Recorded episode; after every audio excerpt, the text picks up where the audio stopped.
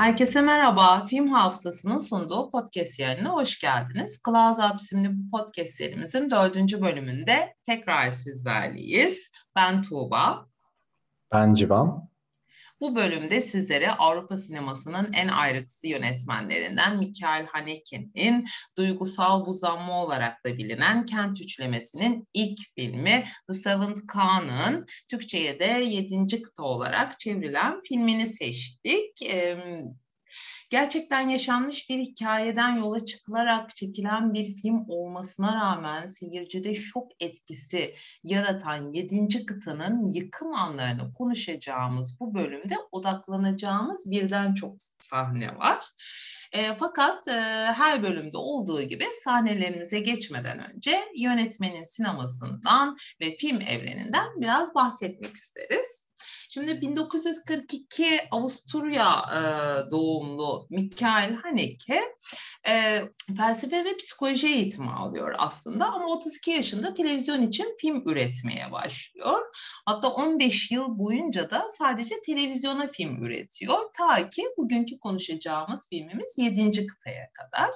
7. kıtayı çektikten sonra da televizyon ile e, olan ilişkisini öyle bıçak gibi kesip atmıyor. Uzun yıllar hem televizyona hem de e, sinemaya e, üretim yapmaya devam ediyor. Fakat son yıllarda artık televizyon ile ilişkisini tamamen bıraktığını görüyoruz. E, Haneke Avusturyalı Burjuva sınıfına e, dahil bir birey ve birçok yönetmenin yaptığı gibi en iyi bildiği şeyi anlatarak e, sinemasını şekillendirmeyi seçiyor. E, yani üst orta sınıfı, aileyi, ülkesi Avusturya'yı, ülkesi Avusturya gibi gelişmiş ülkeleri ve tüm bunlara bağlı olarak da e, modern e, dünyayı, o modern dünyanın içine entegre olmuş bireyleri e, filmlerinde hedefini alıyor. Yani onları güzellemiyor, onları bize tanıtmıyor, onları tabiri caizse e, yerden yere vuruyor ve bunu yaparken de şiddeti bir araç olarak kullanıyor.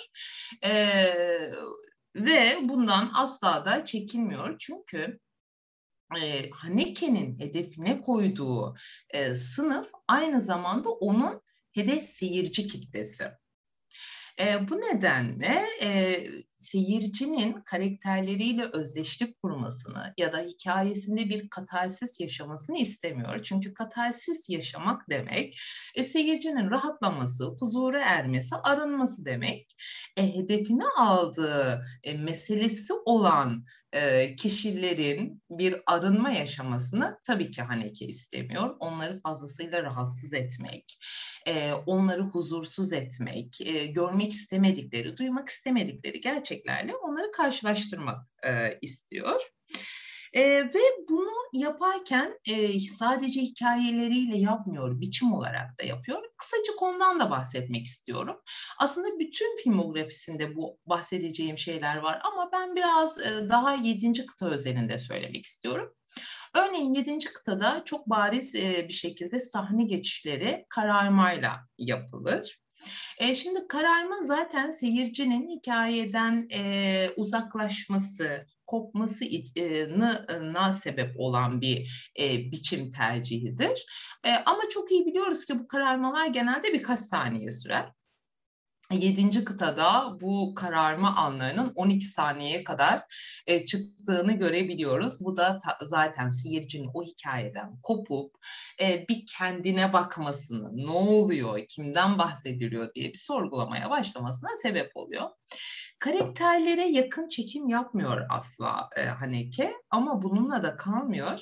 E, hikayesine eşlik edeceğimiz karakterleri biz 7. kıtada neredeyse 15 dakikadan sonra görüyoruz. 15. dakikaya kadar sadece metaları ve karakterlerimizin uzuvlarını görürüz. E, uzun plan sekanslar var. E, bu da yine zaten e, seyircinin e, hikayeye adapte olmasında e, onu zorlayan bir etkendir. Film müziği kullanmıyor. Film müziği yerine arka pola çok daha çarpıcı sesler yerleştiriyor. Bundan biraz sonra bahsedeceğim için detaya girmek istemiyorum. Ama son olarak en önemlisi hiçbir soruya cevap vermiyor. Ki seyirci e, soruların yanıtlarını e, arar her zaman e, filmlerde ve bunu bulamayınca da çıkışsız bir noktaya girer. E, sanırım en çok da bu noktada e, seyirciyi aşırı derecede rahatsız edip filmden yabancılaştırıyor Haneke diyebilirim. E, kesinlikle Tuğba. Yani tam anlamıyla bir otör bence. Yani bu işte Godard'lardan sonra e, ortaya çıkan otör kuramının bence yavaş yavaş yeniden 2000'ler sinemasında da ortaya çıkmasında yani bu belirleyici olmasının önemli faktörlerden biri Haneke. E, şahsen benim de e, en sevdiğim demeyeyim çünkü Haneke'yi sevmek biraz garip bir e, tamlama olur. Haneke çok yani tırnak içinde sevilecek bir yönetmen değil ama hayran olunacak bir yönetmen yaptığı işe. Ve bugün de aslında benim en sevdiğim Haneke filmini e, konuşuyor olacağız 7. kıtayı. Ve hani filmografisinden böyle bir düşününce gerçekten boşu olmayan yönetmenler vardır ya böyle filmografilerinde. Yani herhangi bir filmin bile o seviyenin altına düşmediği filmler. Yani böyle düşünelim işte Kaşe, e, Piano Teacher gibi, Funny Games gibi yani hepsi ayrı ayrı başyapıtlar olan e, başyapıtları olan bir yönetmen. E, bu anlamda gerçek anlamda yani tamamıyla kelimenin tam anlamıyla olağanüstü ve aslında ben bunu biraz şeye bağlıyorum. Sinemaya geç girmesine bağlıyorum. Yani bayağı çok geç bir yaşta giriyor sinemaya. Uzun süre televizyon filmleri üretiyor, tiyatrolar, oyunlar yazıyor ve onları sahneliyor. Ee, 50 küsür yaşlarında sinemaya girince tabii bir olgunlukla beraber e, doğal olarak başlıyor. Yani geçmişi var daha öncesinde ki aslında böyle şato gibi e, çok edebiyat uyarlamaları da yapan biri. Ama tabii sinemaya girişi bahsettiğim gibi 7. kıtayla oluyor ve e, biraz böyle kendimizi 1989'da bu filmi izleyen ve hani Haneke'den haberi olmayan seyirciler yerine koyacak olursak gerçekten yaşadığım, yaşanılan e, şoku anlayabiliriz. Çünkü tam anlamıyla filmografisi boyunca yaptığı o şok etme, e, rahatsız etme ve bir taraftan seyirciye ayna tutma olayını ilk olarak ve buradan e, sonuna kadar da belki filmografisinde yapıyor ve sürekli o hani değindiği belli temalar da var sen bahsettiğin. İşte medya, göçmen sorunları, orta sınıfın yozlaşması hepsinin böyle emarelerini gördüğümüz bir film 7. kıta aynı zamanda. Yani Haneke'den böyle işte bahsedince aslında Türkiye'de de çok ciddi seveni olduğunu da e, biliyoruz. Yani Türkiye'de aslında böyle belli başlı yönetmenlerin garip bir şekilde çok fazla seveni var. Böyle benim dikkat ettiğim Inaritu mesela biraz öyle yani çok fazla e, seveni vardır. Haneke'nin de keza öyle. E, bu anlamda aslında Haneke'nin ve onun otörlüğünün ve bugün geldiği e, sinemasının evrildiği noktayı da aslında konuşmak için bence 7. kıta çok güzel bir film. E, buradan işte Haneke'den bahsedecek olursak bahsettiğin gibi orta üst sınıf bir aileye mensup ve yine orta üst sınıfı merkezine alıyor filmlerinde. E, bu ay aslında sistemsel problemleri olan bir Haneke. Fakat hiçbir zaman e, insanları aklayıp sistemi tamamen yeren biri de değil. Yani insanlara sen bunlara aletsin, sen bu sistemin ta kendisisin diyen biri ki 7. kitap bunun bayağı büyük bir örneği. Ee, hiçbir şekilde onları aklamıyor. Mesela burada filmin sonunu asla bir e, özgürleşme adımı, bir baş kaldırı olarak görmüyor. Tamamen onları yeren, e, onları üzerine oynayan bir e, sinema anlayışı var. Ben bu anlamda çok kendi bildiği kitlenin sinemasını yapması ve onlara saldırmasını e, çok seviyorum ve bu anlamda çok değer, değerli buluyorum. Böyle işte çok fazla şey yönetmen vardır işte 2-3 janrda film yapar, çok fazla konulara değinir. E, ama Haneke gerçekten çok içeriden bir sinema yapıyor. Çok bildiği noktadan bir sinema yapıyor. E, bu anlamda ben de hani e, çok saygıyla eğiliyorum ve hani Haneke'nin geldiği noktaya bakacak olursak da e, yani bu tarz üst sınıf bir aileye mensup birinin de sinemaya evrilmiş olmasına, oradan içerik üretmesi de zaten ayrı bir e, konu bir anlamda. Buradan istersen filme e, giriş yapalım o zaman. E, şimdi gerçek bir olaydan yola çıkılarak çekilen yedinci kıta çekirdek bir aileye odaklanıyor. Daha filmin ilk sahnelerinde biz bu ailenin modern top, e, modern dünya tarafından ele geçirilmiş olduğunu anlıyoruz. Şimdi bir yıkama platformunun üzerinde metal yığını olan bir arabanın uzun uzun yıkanmasını yani arınmasını izlerken o arabanın içerisindeki bireylere ulaşmamız çok uzun zaman alıyor. Demin de söylediğim gibi 15. dakikada onlarla e, gerçek anlamda tanışabiliyoruz. Filmin bütün e, e, devamında da bireylere ulaşmamız hep çok zor oluyor. Burada da işte modern toplumun bireyleri, e, modern topluma entegre olan bireylerin ne kadar ulaşılmaz olduğunu, o toplum içerisinde ne kadar eriyip küçüldüğünü çok net bir şekilde görüyoruz.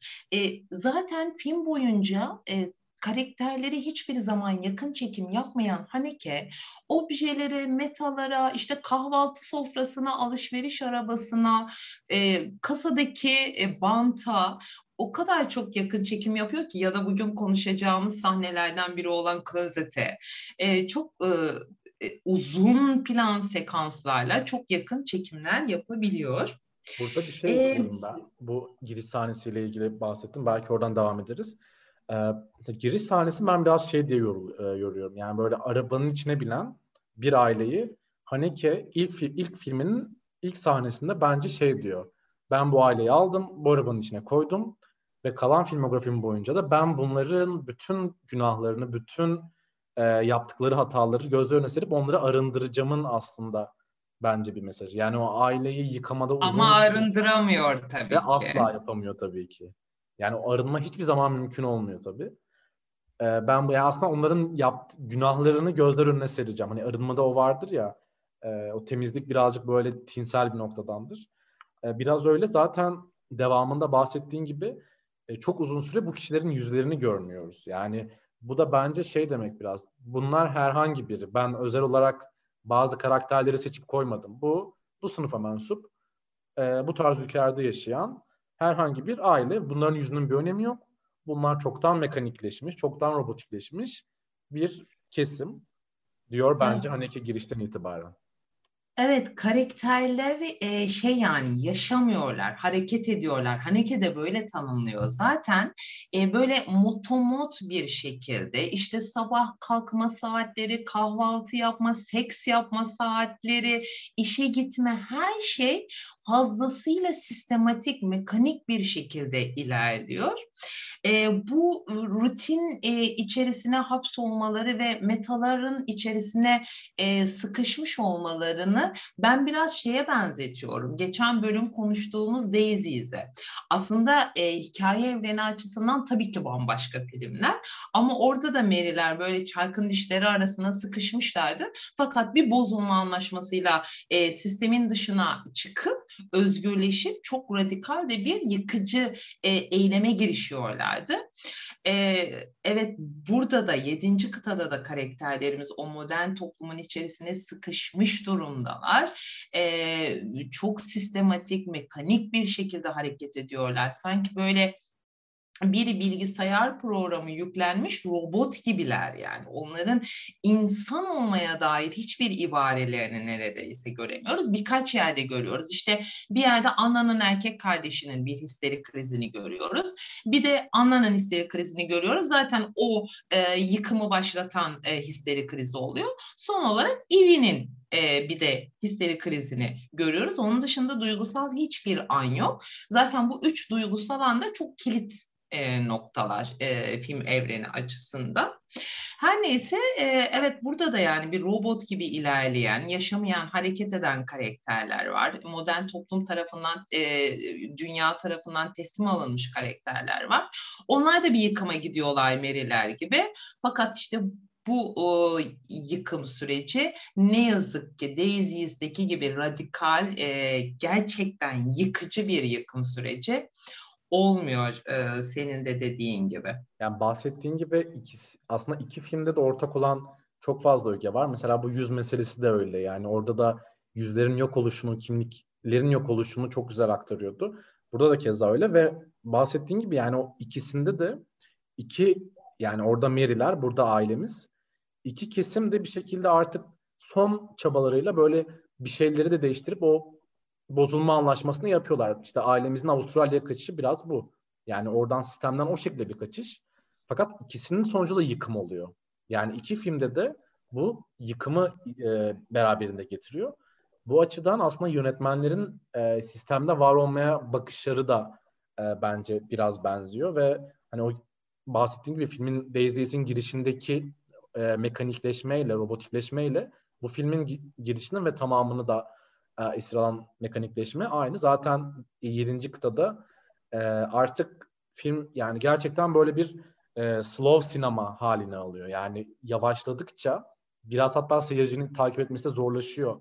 O kadar duygusuz, o kadar katarsizden arındırılmış ki tamamen o robotluğu izlemek zorunda bırakılıyorsunuz aslında.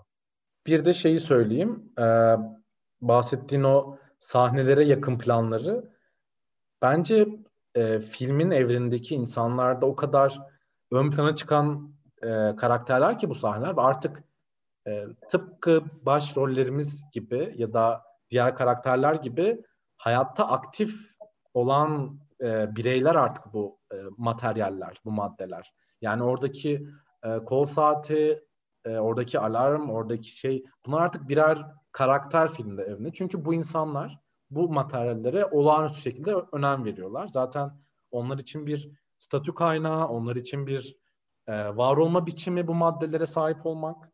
E, Birçok açıdan aslında o, en az onlar kadar belli ki önemliler ve hani ki sürekli o karakter onların nasıl birer varlık taşıdığını bize yakın planlarla yani yüz, karakterlerin yüzüne yapmadığı yakın planları materyallere yaparak e, oradaki karakterlere sen ne oldu da bu materyallere bu kadar önem vermeye başladın ki ben sana değil de ona yakın plan yapıyorum diyor aslında yani kameranın senden ona geçişi aslında doğrudan orada e, o karakterlere ve tabii ki bize de e, yöneltilmiş bir ok.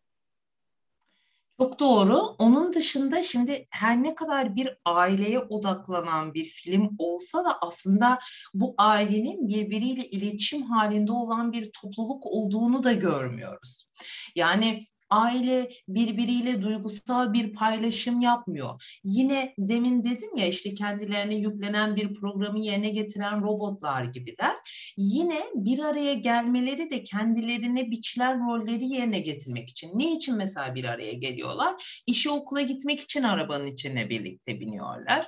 E, alışveriş yapmak için e, birlikte oluyorlar. Yapmaları gereken şeyler. Onun dışında hiçbir şekilde bir paylaşım yaptıklarını, sohbet ettiklerini görmüyoruz biz bu karakterlerin. Birbirleriyle iletişim olmadığı gibi böyle arkadaşları, eşleri, dostları da yok.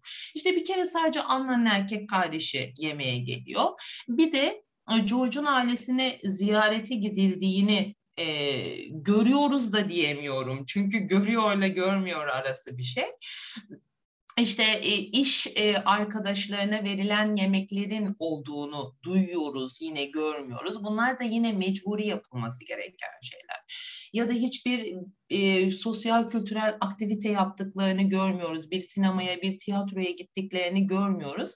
Zaten Haneke e, karakterleri e, ya evin içerisinde ya da arabanın içerisinde temsil ediyor. Yani kapalı mekanlarda temsil ediyor. Çünkü modern toplum her zaman bireyleri içeride kalmaya, e, içeride kalmaya zorlar. Çünkü zaten hani e, modern toplumla bu duvarlar, bu binalar, bu mekanik yığınları hayatımıza girmiş gelişmiştir. Öncesinde insanlar hayvanlar gibi vahşi doğada yaşıyordu. Hatta son çeyrek yüzyılda işte bu mahallelerin yerlerini rezidanslar, yüksek duvarlı siteler, işte açık hava çarşılarının, pazarların, panayırların yerlerini AVM'ler e, almıştır. Yani gittikçe gittikçe daha da duvarlar ardına, daha da iç içe mekanlara e, hapsoluyoruz. İşte yedinci kıtada da e, bunu Haneke ev ve araba üzerinde üzerinden yapıyor. Hatta bunu bir adım daha öte götürüyor. E, karakterlerin o evin duvarlarının da ona yetmedi, onlara yetmediğini görüyoruz. Bütün odaların kapılarını sürekli kapatıyorlar. Yani evin içerisinde bile iç içe güvenli e, alanlar oluşturuyorlar kendilerine. Bu da e, hani modern toplumun e, o ürettiği korku imparatorluğu vardır ya dışarısı tehlikeli. Haneke hatta 1986 yılındaki bir günü verirken bunu çok net açık da ediyor. Şimdi e, önce e, evden çıkıyorlar ve Ivy arabadan iniyor, okula gidiyor. Üzerinde kırmızı kazak ve kırmızı etek var. Şimdi kırmızı ne demektir? Tehlike demektir. O da diyor ki hani ki işte Ivy okulda e, arabanın ya da evin dışında tehlikede. Sonra Anna iniyor arabadan. Bu kez onun iş yerinin önünde rüzgarda sallanan kırmızı bir şerit görüyoruz. En son George işe gidiyor. Arabasını park ediyor. Yanda kırmızı bir araba. Böylece diyor ki bunlar tekrar arabaya ve eve dönene kadar tehlikedeler e, demek istiyor. E, bu detaylar mesela filmde e, gerçekten çok e, önemli ve incelikli detaylar diye düşünüyorum.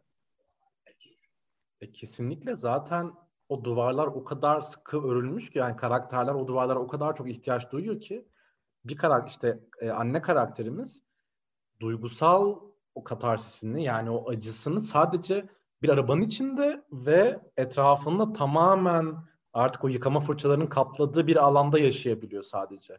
Yani yani kendi duvarlarını kendisi örmek zorunda kalıyor artık. O, o, o tarz kapalı bir yere Kesinlikle. kendisi girmek zorunda kalıyor bu açıdan da yani çok e, böyle düşündükçe vuran noktaları var filmin. Yani bu karakterlerin detaylarına inince bahsettiğin gibi mesela ev meselesinde ev sürekli aslında filmlerde tehlikeli bir unsur olarak görülmesi bize çok e, aslında sık karşılaştığımız bir durum.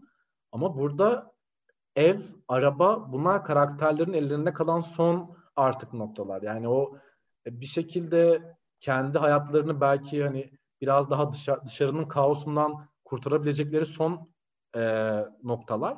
Fakat bunun da tabii ki handikapı şu, bu karakterlerin evleri, arabaları aynı zamanda onların mülkleri ve var olmalarının aslında sağlayan şey ve hani o uğruna çalıştıkları şeyler aslında bu evler ve bu arabalar. Son e, bu e, şeyi de eklemek istiyorum. İşte kendi aralarında bir e, iletişimleri olmadığı gibi, başkalarıyla bir e, iletişim içerisine girmedikleri gibi, e, diğer e, ülkelerde yaşanan sorunlarla da hiç ilgilenmiyorlar. E, bu e, noktada tüm Haneke'nin filmografisini değerlendirerek bu noktaya değinmek istiyorum. Şimdi Haneke her ne kadar Avusturya ve Avusturya gibi gelişmiş ülkelerdeki üst orta sınıfın hayatlarını karşımıza getirse de e, gelişmekte olan ya da gelişmemiş ülkelere de kulaklarını tıkamaz.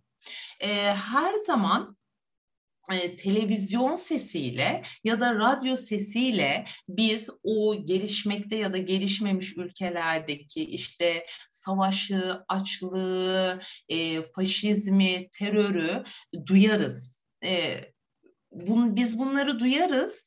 E, karakterlerimizin bu haberleri izlediğini ya da dinlediğini görürüz. Ama şöyle bir şey yani aslında karakterlerimiz izliyor da hiç umurlarında olmuyor. E, dinliyor ama hiç umurlarında olmuyor. Mesela 7. kıtada İran-Irak savaşını duyuyoruz, Rusya-İsrail görüşmelerini, İsrail-Filistin savaşını detaylarını duyuyoruz. Ama karakterlerimizin bunlarla ilgili bir yorum yaptığını, bunları umursadığını hiç duymuyoruz. Hatta e, Benin'in videosunda ki bunu çok daha net verir. Televizyonda anne ile oğul dehşet verici haberler izlerler. Baba gelip sorar ne izliyorsunuz diye.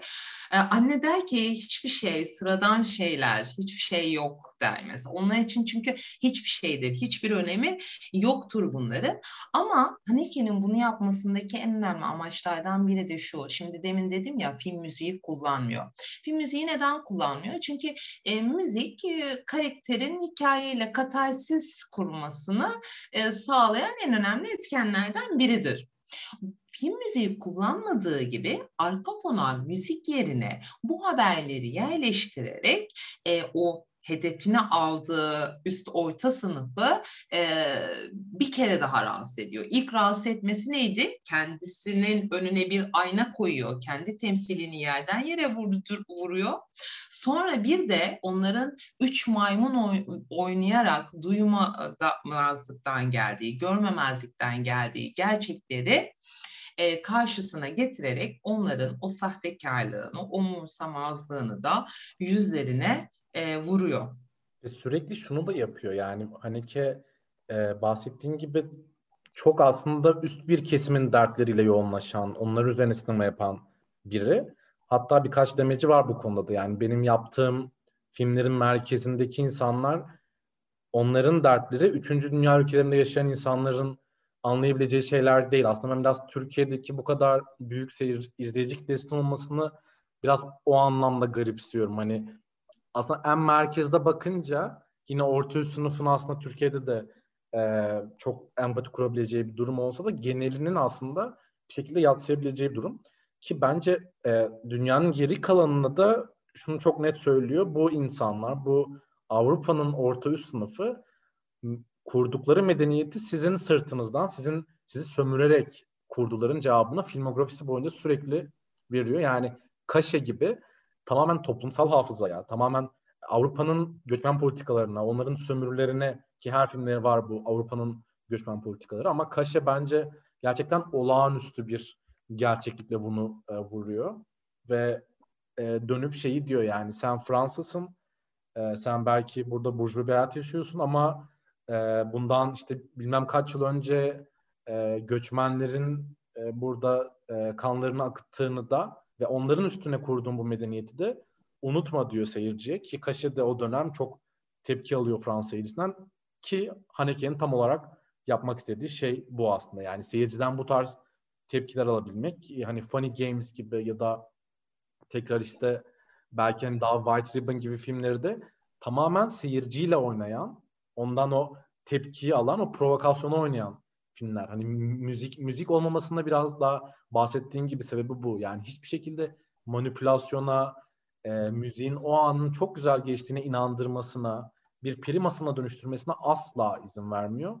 Her şey, gördüğümüz her şey tüm gerçekçiliğiyle, tüm varlığıyla orada. Ki mesela ben şuradan ayırt edebiliyorum onu. Benim izlediğim en gerçek ve en acıtan tokat sahneleri hep Haneke filmlerinde olur. Ve çok sadedirler. Sadece tokattırlar. Ve inanılmaz böyle büyük oyunlar yoktur. Diğer ana akım filmlerde olduğu gibi. Çünkü Tokat zaten varlığı, kendi varlığıyla çok gerçek ve çok acıtır. E, bu anlamda seyirciyle bu tarz oyunları zaten e, çok seven, yani seven demeyeyim yani bunu yapmak zorunda artık belli ki kalan e, bir yönetmen kendisi ki 7. kıtada aslında sonuna kadar bu seyirciyle oynamanın da başka bir taraftan e, tezahürü aslında. İyi, e, ben de tekrar değinmek istiyorum. Gerçekten Haneke'nin hedef seyirci kitlesi Türkiye değil. Zaten Haneke hangi filmdeydi tam hatırlamıyorum da Kent Üçlemesi'nde miydi? Türkiye'den de haber görüntüleri veriyor. Orada net bir şekilde şeyi açık ediyor zaten Haneke. Yani Türkiye seyircisi benim hedef e, seyirci kitlem değil diyor aslında. Evet, sanırım Ama... şeydeydi rastgele bir Aynen. Um, parçanın evet. 70 evet. filmin olağanüstü ismi de var bu arada yani nasıl söyleyeceğim bilmiyorum evet, ama evet. oradaydı. Kesinlikle o filmde. Ee, o yüzden ama biz e, niye böyle bir ters köşe yapmışız? Ee, filmle ilgili bir noktaya daha değinmek istiyorum. Sonra istersen sahneye geçelim. Ee, şimdi en başta demiştim ya Haneke'nin e, seyircide yabancılaşma yaratması için kullandığı en önemli şeylerden biri bilinmemezlik. Yani soruların cevapsız kalması. Şimdi bu noktada e, şeyi söylemek istiyorum. E, Haneke e, bu gerçek hikayeyi ilk olarak bir gazete haberinden öğreniyor ama bu gazete haberi bayağı makale gibi yazılmış geniş çerçeveli bir gazete haberi. Hani ki haberi okuyor aslında olay çok tüyler ürpertici bir olay ama haberi okuduktan sonra haberi çok sıkıcı buluyor hani ki. Sıkıcı bulmasının sebebi e, yani o gazeteci haberi yazarken bütün detayları yazmış. Hani bu aile neden intihar etti? Haberi okuduktan sonra tamam diyorsun, ikna oluyorsun yani. Ki ikna olmuş. Ve bu da etkileyiciliğini yitiriyor. Bunun üzerine Haneke diyor ki yani ben bu filmi çekeyim ama tabii ki bu şekilde soruların cevaplarını vermeyeyim. Mesela klozet olayı da gerçekten yaşanmış bir olay. Onu ilk öğrendiğimde ben şok olmuştum yani. Bunu Haneke'nin uydurduğunu düşünmüştüm çünkü ben. E, böyle çok çarpıcı detayları filmine alıyor ama işte karı koca arasında e, cinsel anlamda problem varmış yok e, bu eşlerin borcu varmış gibi detayları hiçbir şekilde filmine almıyor. Çünkü bilmek e, seyircide bir güven, huzur e, yaratır. E, bilmemek ise e, gerilim, e, rahatsızlık hissi yaratır. E hani ki yapmak istediği şey bu da olduğu için hiçbir sorunun cevabını vermiyor. Hatta Haneke filmi e, Yunanistan'da bu filmin senaryosunu yazıyor ve hep hayalin filmi flashbacklerle çekmek. Ama o kadar uğraşmasına rağmen e, bu filmi flashback'le çekemeyeceğine sonunda kendi kendini ikna ediyoruz. Zira flashback demek sürekli bir bilgi vermek. Geriye giderek, geçmişe giderek seyirciye bilgi vermek demek. E Haneke bunu kesinlikle yapmak istemediği için hani ne kadar hayali olsa da yapmak istese de flashback'ten vazgeçmek zorunda kalıyor. Hatta e, bunu bir adım daha öteye götürüyor. Filmi üç bölüm ayırıyor. 86'da bir gün, 87'de bir gün, 88'de bir gün. Şimdi ekranda böyle tarihler yazıyor. E bu yani böyle az çok film izleme alışkanlığı olan bir birey tarih veriliyorsa, film bölümleri ayrılıyorsa ha, yönetmen bana bir kanıt sunacak o zaman gibi bir beklenti içerisine girer. Çünkü belgesellerde mesela böyledir ya. Ama e, Haneke asla hiçbir kanıt sunmuyor tabii ki. Böylece hem bir beklenti içerisine de sokmuş oluyor seyirciyi hem bu beklentiyi de boşa çıkararak e, her zaman yaptığı gibi e, seyircisiyle e, bayağı bir e, köşe kapmaca oynuyor diyebilirim sanırım. Bu soru cevap meselesinde çok güzel dedim. Bir de şöyle bir e, kısım var. Ben Haneke'nin Schindler'in listesiyle ilgili bir e, yorumunu okumuştum ve kesinlikle katıldığım bir durum. E, ben hani şahsen Schindler'in listesinden nefret ederim bayağı hiç sevmem. O da bunu çok güzel açıklıyor. Çünkü Schindler'in listesi hani Holocaust gibi, soykırım gibi çok büyük bir konuyu ele alıp sürekli cevaplar veren bir film. Sürekli seyirciye oynayan, onu orada güvenli, oturduğu koltukta güvenli tutan bir film. E, ve hani e, adeta Holocaust gibi büyük bir konuyu yani çok büyük, dünya tarihinin en büyük travmalarından birini bir günlük eğlence haline getiren, bir karakter yolculuğu haline getiren ve bunu çeşitli noktalarda iyi ambalajla yani çeşitli noktalarda bunu seyirciye bütün cevapları vererek, her cevap vererek sunan ve e, sonunda bunu bir iyi Almanlar da vara, Almanların da iyi olabileceğine bağlayan bence bir e, film oluyor şimdi listesi.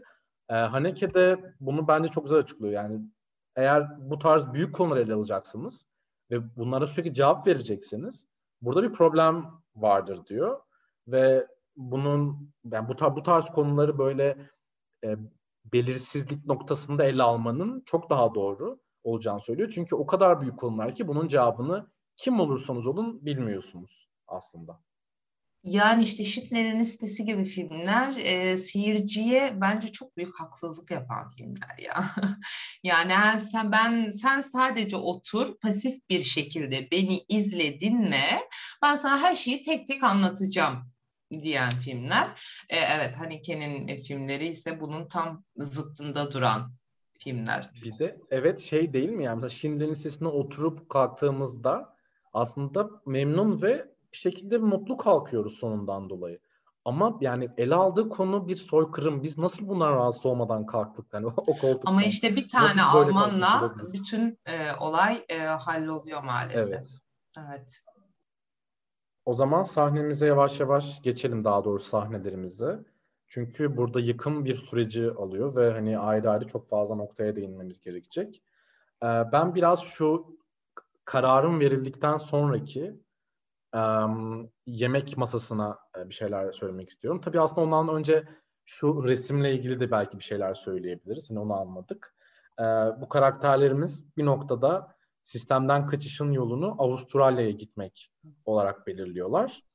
E, ve maalesef e, onları o kadar e, kendilerini o kadar aslında e, tırnak içinde küçültmüşler ki onu bile yapamayan bir duruma gelmişler ve Avustralya'ya bile gidemiyorlar. Her şeylerini satıyorlar. Ee, bir şekilde arabayı satıyorlar, kredi çekmeye çalışıyorlar falan ama hiçbir şekilde gerçekleşmiyor. Ve aslında filmin bazı yerlerini sık sık gördüğümüz o e, sahil e, ve kayalıkları görüyoruz. E, bunlar da aslında bu karakterlerimizin bir nevi e, işte Amerikan rüyaları, ulaşmak istedikleri nokta olarak göze çarpıyor. Ve bu e, görsel üzerinde de şöyle bir anekdot var. Bu gerçek bir görsel değil. Yani o yarısı başka bir yerden, yarısı başka bir yerden alınmış. Bence görselin de bir yalan olması hazırlanış açısından bir şeyler söylüyor. Yani bunun e, gerçek olamayacaklarını, o hayal ettiğiniz Amerikan rüyasına, hani Amerikan rüyası biraz daha genel bir tabir. Yani daha o liberal, neoliberal düzenin size sunduğu işte evin olacak, araban olacak, e, köpeklerin olacak, mutlu bir hayat yaşayacaksın, kızın olacak, okula gideceksin. Ama durum öyle oluyor muymuş, olmuyor muymuş? E, onu tabii bu filmde görüyoruz. E, o resimde de aslında hiçbir şekilde o resmin gerçekleşmeyeceğini, oraya varılamayacağının da ayrı bir göstergesi. Yemek sahnesine e, gelince karakterlerimiz artık Avustralya'da gidemedik ve hani o e, bütün varoluşsal bunalımları da peak yaptı.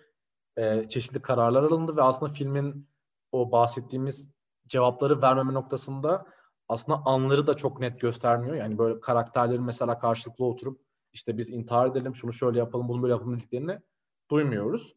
Bunlar tamamen kapalı kapılar ardında kendi beyinlerinin artık içinde. Yani bu karakterler o kadar yalnızlaşıyorlar ki içlerine gömülüyorlar. Kendi içlerinde artık bunları yaşıyorlar. Bu noktalarda dönüyor ve böyle kesin kararlar alınıyor ve bu sırada aslında filmde e, olayları da takip etmemizde bir şekilde kolaylaştıran e, karakterimizin işinin yani orada anne karakterinin e, baba karakterinin annesine, ailesine yazdıkları mektuplar okunuyor arkada. Onlar bize bazı şeylerde ipucu veriliyor. Mesela e, Eva'yı kızlarını ikna etmeleri noktasında, kızlarını ölüme gönderme noktasındaki motivasyonlarını orada açık ediyorlar biraz. Yani zaten ölümden korkmayan bir kız ki kızın okulda yaşadığı bazı histerik durumları da görüyoruz. Yani ailenin o bütün histerisi, bütün o problemleri kızı çok garip davranışlar yapmaya itiyor. Yani kör olduğunu iddia ediyor çeşitli yerde işte şu kaşınma durumu söz konusu. Yani her noktadan belki hatta ilk olarak kızda e, tezahür ediyor seyirci açısından. İlk olarak onda varlığını görüyoruz bunu. Ve buna karar veriliyor. İşte ailecek bu şekilde bir e, intihara işte gidilecek ve bir yemek yeniliyor. Bir yemek sofrası var. Sofra o ana kadar görmediğimiz şekilde dolu. İnanılmaz bolluk ve bereket. Hayatları boyunca o adadıkları, kendine adadıkları şeyi son bir kez daha tutunmanın gayetinde bu karakterler. Son bir kez daha onlara bakıyorlar. Çok iyi giyiniyorlar. Ellerinde işte e, viskileri, şarapları tutuyorlar ve e, henüz aslında onları o yıkıma götürecek şeylerden de vazgeçebilmiş değil bu karakterler. E, ve orada film boyunca ilk defa belki karakterlerin birbirlerine güldüklerini görüyoruz. Yani bu karakterlerin vardıkları nokta açısından çok ipucu veren bir şey. Yani nasıl bir saçmalık içinde var olduklarını ve o ölüme gidince aslında mutluluğu yakaladıklarını. Ki orada da bir diyalog var. Ee, işte kız ayakkabı mı giyeceğim diyor. Ve babası o sofrada şey diyor. E, kendini incitme, dikkat et diyor. Yani intihara gidecek, birazdan kendilerini öldürecek ailenin aralarındaki diyaloglar öyle bir sistematiğe bürünmüş ki, öyle bir ma- makineleşmeye yol açmış ki artık yani ortada ölüm var ama hala incitmeden e, orada bahsediliyor. Bu anlamda aslında bütün ailenin yaşadığı saçmalığı ve bütün o oraya getirilen sancıların da etkisini o sahnede aslında bir şekilde görüyoruz. O sahne aslında bizim konuşacağımız sahnelerin bir taraftan yıkıma giden ilk adım gibi. Evet, e, çok doğru söyledin. E, zaten e, 7. kıtadaki yemek sahneleri de e, çok meşhurdur yani. O ilk baştaki e, daha sade kahvaltı, sonradan o e, yıkımdan önceki şaşalı kah şey akşam yemeği ve mutfağın ağzına kadar dolu olması, kahvaltı sofralarında içilen şampanyalar inanılmazdır. E, ben de e, şimdi bu yıkım sahnelerinden e, akvaryum sahnesine değineyim o zaman. Şimdi akvaryum filmin başından beri karakterlerden biri olarak filmde e, var zaten. E, Haneke hatta eğer aileyi evde bize gösteriyorsa kadrajının bir bölümüne mutlaka akvaryumu da alıyor. Ivy'nin de e, işte balıkları beslediğini e, görüyoruz. Yani balıklar her zaman film evreni açısından bir önem arz ettiğini baştan beri belli ediyor. E, şimdi bu e, balıkları bizim filmdeki karakterlerimiz hatta modern dünyaya entegre olmuş tüm bireyler olarak e, düşünebiliriz. Yani balıklar e, bizim karakterlerimizin bir metaforu. E, akvaryum ise işte demin bahsettiğimiz gibi modern toplumun e, bizi soktuğu e, duvarlar, e, mekanlar e, diye tabir edebiliriz. Şimdi balıklar e, akvaryumun içerisinde asla olmak istemezler. E, fakat akvaryumdan firar ederlerse e, yaşamlarına devam da edemezler. Çünkü akvaryumdan çıktıkları an nefes alamayacakları için öleceklerdir. Yani özgürlük e, balıklar için e, ölümdür aynı zamanda. İşte bu modern dünyanın içine sıkışmış hatta sen demin dedin ki artık o kadar sıkışmışlardır ki gidecek hiçbir yerleri kalmamıştır. Son noktalarına gelmişlerdir. E, son noktada da artık e, bu sıkışmışlığa daha fazla tahammül edemeyen bireylerimiz eğer özgür olmak istiyorlarsa onların da tek bir e, özgür olma yolu vardır. Ölümdür ve karakterlerimiz sonunda ölüm olsa bile e, tıpkı balıkların kaderi gibi ölümü seçerler. Fakat kendileri ölmeden önce kendilerinin temsili olan balıkları e, öldürürler. E, aslında bir nevi kendi intiharlarının bir provalarını yaparlar. E, fakat e, Ivy e, bu noktada bir histeri krizi yaşar. Çünkü Ivy her ne kadar e, ölümden korkmadığını söylese de ve ailesinin bu kararını hiç sorgulamadan kabul etmiş olsa da mektuplardan onu anlıyoruz. Çünkü aileye yazılan mektuplardan. E, yine de işin ciddiyetini bu akvaryum sahnesinde görüyor. E, orada e, gerçekten büyük bir histeri krizi yaşıyor. Aslında orada e, Ivy o içsel ölümünü gerçekleştiriyor. Yani ruhi olarak orada ölüyor. Al, ailesinin aldığı kararın ne olduğunu, sonunda onlara ne olacağını her şeyi o balıklar üzerinden görüyor, algılıyor. Zaten daha sonra annesi bardağın içerisinde ilacı getirdiğinde hiç sorgulamadan onu bir dikişte içiyor e, ve adeta bana öyle geldi en azından bilmiyorum. Adeta bir an önce ölmek istiyor. Yani sanki o balıkların gittiği yere, onların yanına bir an önce gitmek istiyor. Çünkü zaten hani geriye bir fiziki ölümü kalmış. O da onun için artık hiçbir anlam ifade etmiyor. Ölümden korkması vesaire kalmıyor. Ee, mesela annesi daha sonra annesiyle babası çok zorlanıyorlar ilacı içerken e, büyük böyle bir e, şeyle e, tereddütle, aksiyeteyle içiyorlar ilacı ama Irvi çok rahat bir şekilde e, ilacı e, içiyor. Bu arada şunu belirtmek istiyorum. E, yani yazılış e, aynı ama telaffuzdan Irvi, Iva, e, Eva diyebiliriz. Orada bir karışıklık e, olmasın onu da belirtmek istedim. E, tabii tabii aynen. Ee, ve şey e, şu, şu dikkatimi çekti. Yani bu üç kere aslında bu krizleri görüyoruz. Biri e, kardeşi, biri e, anne ve biri de e, bahsettiğin gibi Eva. E, aslında üçü de belki de son tutundukları şey yani bir şekilde bağlandıkları şeyi kaybedince bu krizleri yaşıyorlar. E, birinde işte işle sorunları var. Biri kızı gidince, bir de balıkları gidince e, bu durumu yaşıyor bir şekilde. Yani her ne kadar insanlıklarından uzaklaştırılmış, yabancılaştırılmış, yozlaştırılmış karakterler olsa da bir şekilde en diplerde kalan o temel içgüdü, hepsini birbirine bağlayan o temel içgüdü bir şekilde varlığını koruyor. Bir de aslında Haneke'nin filmografisine bakınca çocuklara aslında ekstradan bir parantez açtığında görüyoruz.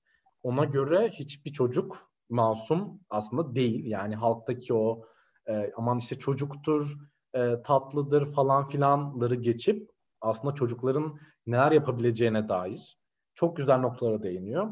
Hiç ahlakçı, hiç orada o tarz bir duruş sergilemeden tamamen aslında hayata dair henüz çok bilinci olmayan varlıkların doğal olarak çeşitli hareketler yapabileceklerini e, gösteriyor ki hani Kaşı'da bunun net bir örneği keza bu filmde de öyle. Ölümün henüz ne olduğunu tam olarak idrak edemeyen karakterlerin aslında ölümü bilenlere göre çok daha temiz o yola e, savrulabileceğini de bir şekilde e, gösteriyor ki. E, şimdi e, evet e, şeye yani bu yıkım anlarına genel olarak değinirsek klozet sahnesine geçmeden önce şimdi ailemiz e, aslında filmi ben böyle yıkımdan önce ve yıkımdan sonra diye ayırırsam. Şimdi ailemiz yıkımdan önce ne kadar motomot, ne kadar didaktik, ne kadar e, meşakkatli bir hayat yaşıyorsa. Çünkü böyle e, saat gibi işleyen e, bir hayatları var yani. Yıkımdan sonra da yıkım kararı aldıktan da sonra da bu şekilde oluyor. Yine böyle didaktik, yine motomot, yine çok zorlu.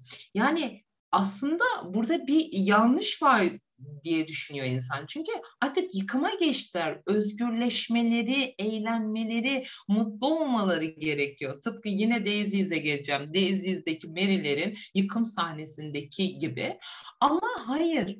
Şimdi bir kere karakterlerimiz yıkımdan önce o kadar çok istiflemişlerdir ki e, evin her bir tarafı eşyalarla o kadar doludur ki bunların her birini parçalayıp yıkmak e, çok zordur. Özellikle şunu da belirtmek istiyorum. Haneke filmlerinde bu burjuva sınıfın hani kendini kültürlü göstermek adına bu modern hayatta e, karşımıza çıkan estetize edilmiş, ikonlaştırılmış sanat eserlerini de evlere çok e, incelikli bir şekilde yerleştirir. İşte benim videosunda mesela tablolar benim çok dikkatimi çekmişti.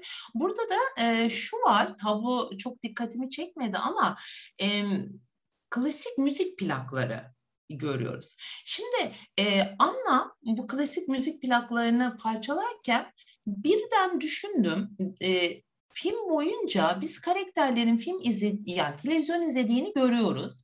Radyo dinlediklerini de görüyoruz. Hatta radyoda hep böyle popüler müzik dinliyorlar. Ama hiçbir şekilde plak dinlediklerini hatırlamıyorum.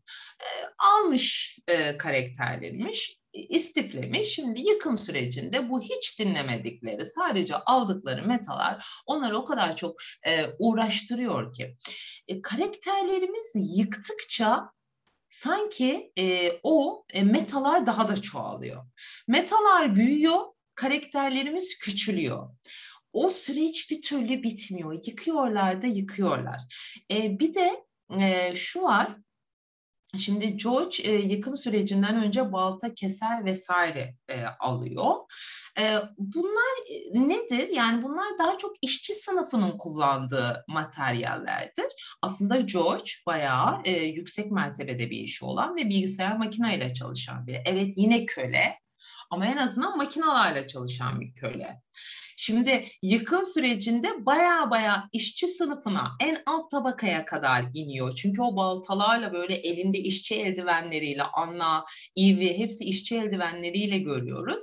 Ee, burada da hani bırak özgürleşmeyi daha da köleleşiyorlar e, yıkım sürecinde.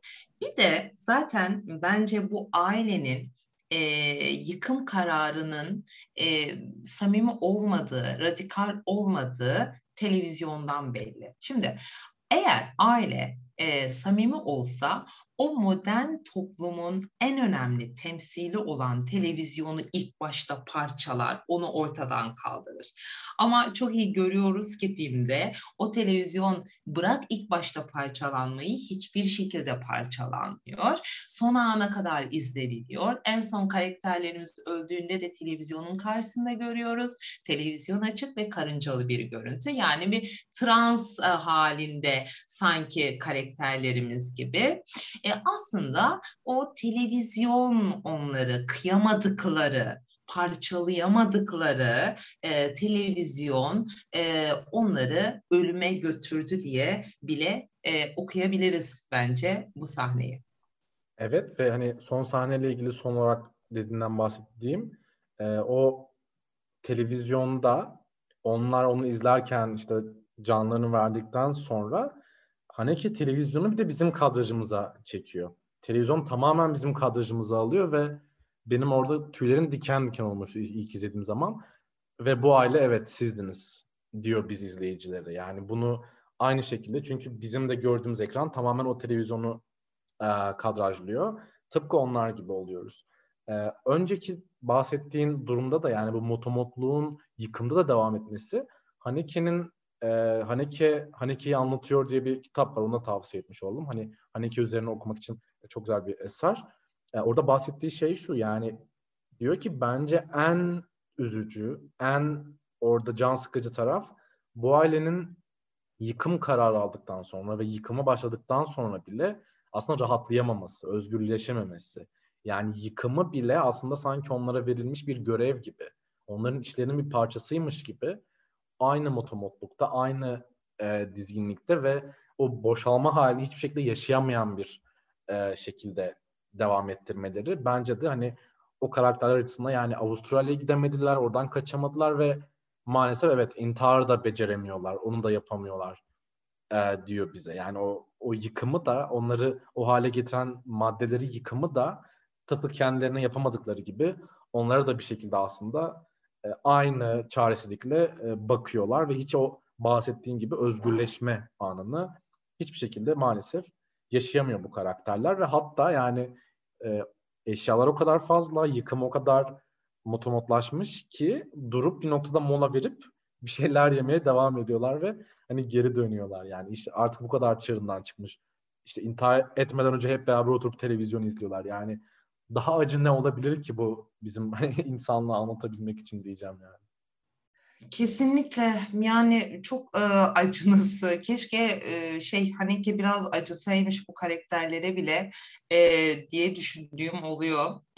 E, şimdi klozet sahnesi. Geçelim mi? Yani bu sahnenin aslında öncelikle şunu söyleyeyim e, sahneyle ilgili. E, film e, kana seçildiğinde Haneke yapımcısına e, şey diyor, göreceksin diyor iki sahne e, çok e, tepki toplayacak. Ya klozet sahnesi ya da akvaryum sahnesi. Hatta yapımcısı şey diyor, yani klozet sahnesi zannetmiyorum da akvaryum sahnesi olabilir. Çünkü balıklar ölüyor yani tepki gösterebilirler diye. Ama tabii ki yapımcısı haklı çıkmıyor. Haneke'nin diğer e, tahmini doğru çıkıyor. E, Kanda e, ilk gösteriminde e, klozet sahnesi ekrana geldiğinde insanlar e, büyük bir sinirle salonu terk ediyorlar. Ve e, Haneke çok şaşırıyor. Yani bir ailenin küçücük bir çocuğunu da yanına alarak intihar etmesi, yani çocuk çocuklarının katili aslında bu aile.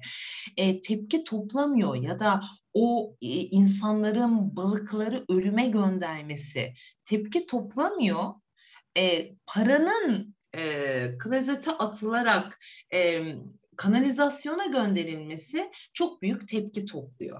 Ya aslında ki bunu çok iyi anlıyordur neden böyle olduğunu. E çünkü o hedefine koyduğu kesimin e, hayatının tek amacı bütün bir ömür saçını süpürge yaparak e, çalışması ve filmdeki George gibi iş arkadaşlarına çelme takarak e, yükselmeye çalışmasının tek amacı o kağıt parçasını kazanabilmek. E şimdi e, sen e, hedefine aldığın seyircinin e, bütün bir ömrünü adadığı metayı umarsızca kanalizasyondan aşağıya gönderir ve bunu bir de uzun plan bir sekansla, yakın çekimle yaparsan e, yani tabii ki tepki toplar. E, hatta yani seyirci başka hiçbir tarafa kafasını çeviremiyor. Ekranda sadece klozet var. Başka hiçbir şey yok. Yani bence bir nevi Haneke sizi de bu delikten aşağıya gönderiyorum paralarla birlikte diyor bence. Sen ne düşünüyorsun? Bence de zaten o filmin e, yani kitlelerce en razı olunan sahnelerinden biri olması da çok şey gösteriyor ve hani unutmayalım ki sinema seyircisi aslında orta üst sınıf kitledir. Yani o alt kesimin, işçi kesimin bir eğlence aracı değil uzun zamandır e, sinema. E, ve aslında çok güzel bir anekdot var bununla ilgili. Hani ki e, basın gösteriminden sonra işte filme oturup e, seyircilerle konuşuyor. Bir seyirci şey diyor. Ya Avusturya gerçekten bu kadar can sıkıcı bir ülke mi diyor ve Haneke bir anda böyle kahkahalarla gülmeye başlıyor. Ve hani bunu bir kaçış olarak tanımlıyor. E, yani o karak onu sonra soran kişinin o durumu kendisi ol, o kişinin kendisi olmadığını hala ikna etme çabası. Sanki bu olay sadece Avusturya'ya hasmış. Sanki dünyanın çok büyük bir kısmı bu, bu durumda değilmiş gibi e, bu şekilde bir kaçamak soru sormasını e, buna bağlıyor ve evet yani seyirci kendini gördüğü anda bir şekilde o durumdan yani o ayna aynayı hissettiği anda özellikle rahatsız oluyor. Özellikle bazı şeyleri tetikliyor. O paralar nereye gidiyor deyip hani paraları son bir kez tutası geliyordur belki o seyircinin hani nereden alsak o paraları diye. Yani çok gerçekten seyirciyi neden vurduğunda çok iyi anlıyorum. Bu arada şunu söylemeden edemeyeceğim. Ben sürekli Haneke konuşulduğunda şunu da ekliyorum. Ee, özellikle bu dönemde çok daha bunun önemli olduğunu düşünüyorum. Maalesef Haneke hani bu bir şekilde onda var olan bu e, humanizmi çok hayvanlara karşı da gösterebilen e, bir yönetmen değil. Hani çok ciddi anlamda filmlerinde hayvan cinayetleri var. E, hani 7. kıtada Funny Games'te köpek hatırlayalım. E, Beyaz Bantı ya da e, Domuz'u hatırlayalım Kaşıdı. Yani özellikle e, çok ciddi problemi olan bir yönetmen ki e, Türkiye'de çeşitli bir dönem e, birkaç sinema yazarı diye hatırlıyorum bir mahkemeye de başvurdu uluslararası olarak e, bu duruma karşı. Yani Haneki hayvan artık öldürmesin e, filmlerinde diye. Bunun haberini de bu arada kontrol ettim. Bizim filmhafızası.com'da da e, bulabilirsiniz. E, bu anlamda hani bu tarz yönetmenlerin ne kadar aslında büyük yönetmenler olduğundan bahsederken böyle onların problematik taraflarını da e, bence bir gözden geçirmek gerekiyor. Civan iyi ki bunu hatırlattın. Çok teşekkür ediyorum sana. E, konuşmanın bir yerinde mutlaka söyleyecektim ama tamamen aklımdan çıkmış. Şimdi önce ben sana soruyorum ya da e, sen bilmiyorsan belki dinleyicilerimize sorayım. E, ben bilmiyorum çünkü. Mesela o akvaryum sahnesinde gerçekten o hayvanlar ölmüş müdür yoksa e, sahnenin bir yerinde kurtarılmış mıdır? Gerçek balık mı kullanılıyor? Ben bunu çok merak ettim açıkçası. E, şöyle bu Haneki Haneki anlatıyor kitabında bunu açıklıyor. E, ama oradaki açıklama üslubu da bence problemli. Böyle şey diyor. Oradaki balıkları kurtardık. Gerçek balıklar bu arada. E, biri hariç diyor. Birini e, kaybettik diyor balıkların. Bence hani oradaki problem sadece bu balıkların hayatta tabii, kalıp tabii, kalması kesinlikle, değil. Yani. Kesinlikle. Yani, yani senin söylemek istediğin şeyi çok iyi anlıyorum. Hayvanları mutlaka cezalandırıyor filmlerinde. E, o kesinlikle var. Ona zaten katılıyorum. Sadece o diğer meseleyi evet, merak evet. ettim. Hmm, evet. Ee, mesela yani e, çok fazla domuz öldürüldüğünü de biliyoruz. Tabii tabii. E, zaten Beni'nin videosunda e, Beni'nin videosunda keza. Orada çok bambaşka Tavuk bir durum var. Evet. Beninin o e, Beninin videosundaki o anlarla ilgili benim aslında hep böyle yazmak istediğim şeyler de vardır yani. Onu da şu an tekrar aklıma düşürmüş oldun. E, bir şey daha söyleyecektim. Ha bu arada zaten hayvanların cezalandırılmasını ya da gerçekten o e, balıkların ölüp ölmemesinden de öte e, zaten bir akvaryumun var olması bile bir problem. Bunlar kesinlikle e, şey uzun konular yani. E, hayvan meselesine girersek zaten Haneke buradan e, kesinlikle çok büyük ceza alarak çıkar. Evet. Ne yazık ki. Yani aynı belli ki çok hani onun çerçevesinde aynı e, bir insan kadar hani bu kadar aslında insanın varlığına önem veren birinin e, bu kadar net bir türcülük yapması da çok zaten ayrı bir konu ve hani bence böyle e, bunu hani biz zaten kendi aramızda çok sık şey yapıyoruz ama dinleyicilerimizin de e, bir taraftan buna belki alışkanlık edilmesi önemli olabilir. İşte böyle hani çok bir sevdiğimiz, çok övdüğümüz yönetmenlerin işte çok problemli tarafları olduğunu son yıllarda özellikle duyuyoruz. İşte bu political correctness'ın evet e, cancel culture'ın da etkisiyle. Bence işte bu kadar hani e, övebiliriz bence eserlerini ama mutlaka bir noktada işte bu kişi aslında oyuncularına bu Ama... kadar kötü davranan biridir. Evet yani bu kişi hayvan haklarına bu kadar net e, aslında karşı olan biri. Bu kişi aslında işte ne bileyim bir tecavüzcü yani çok sık karşılaştığımız gibi son zamanlarda. Bunların da e, bir şekilde e, en azından şu an işte birileri bilmiyorsa bile öğrenmiş oldu ve bunu aslında yayarsak bir şekilde Haneke'nin böyle bir tarafı olduğunda e, bunun da bir şekilde değerli bir tarafı da var bence. Kesinlikle. Bence bu şekilde noktalamamız da e, çok isabetli evet. oldu. Tekrar teşekkür ediyorum sana. ben teşekkür ederim. O zaman e, bu güzel sohbetin sonuna geldik. Haneke oklarını bize doğrultmuştu. Biz de ona doğrulttuk son olarak. E, ve bizi dinlediğiniz için teşekkür ederiz. Bir başka bölümde görüşmek üzere. Hoşçakalın.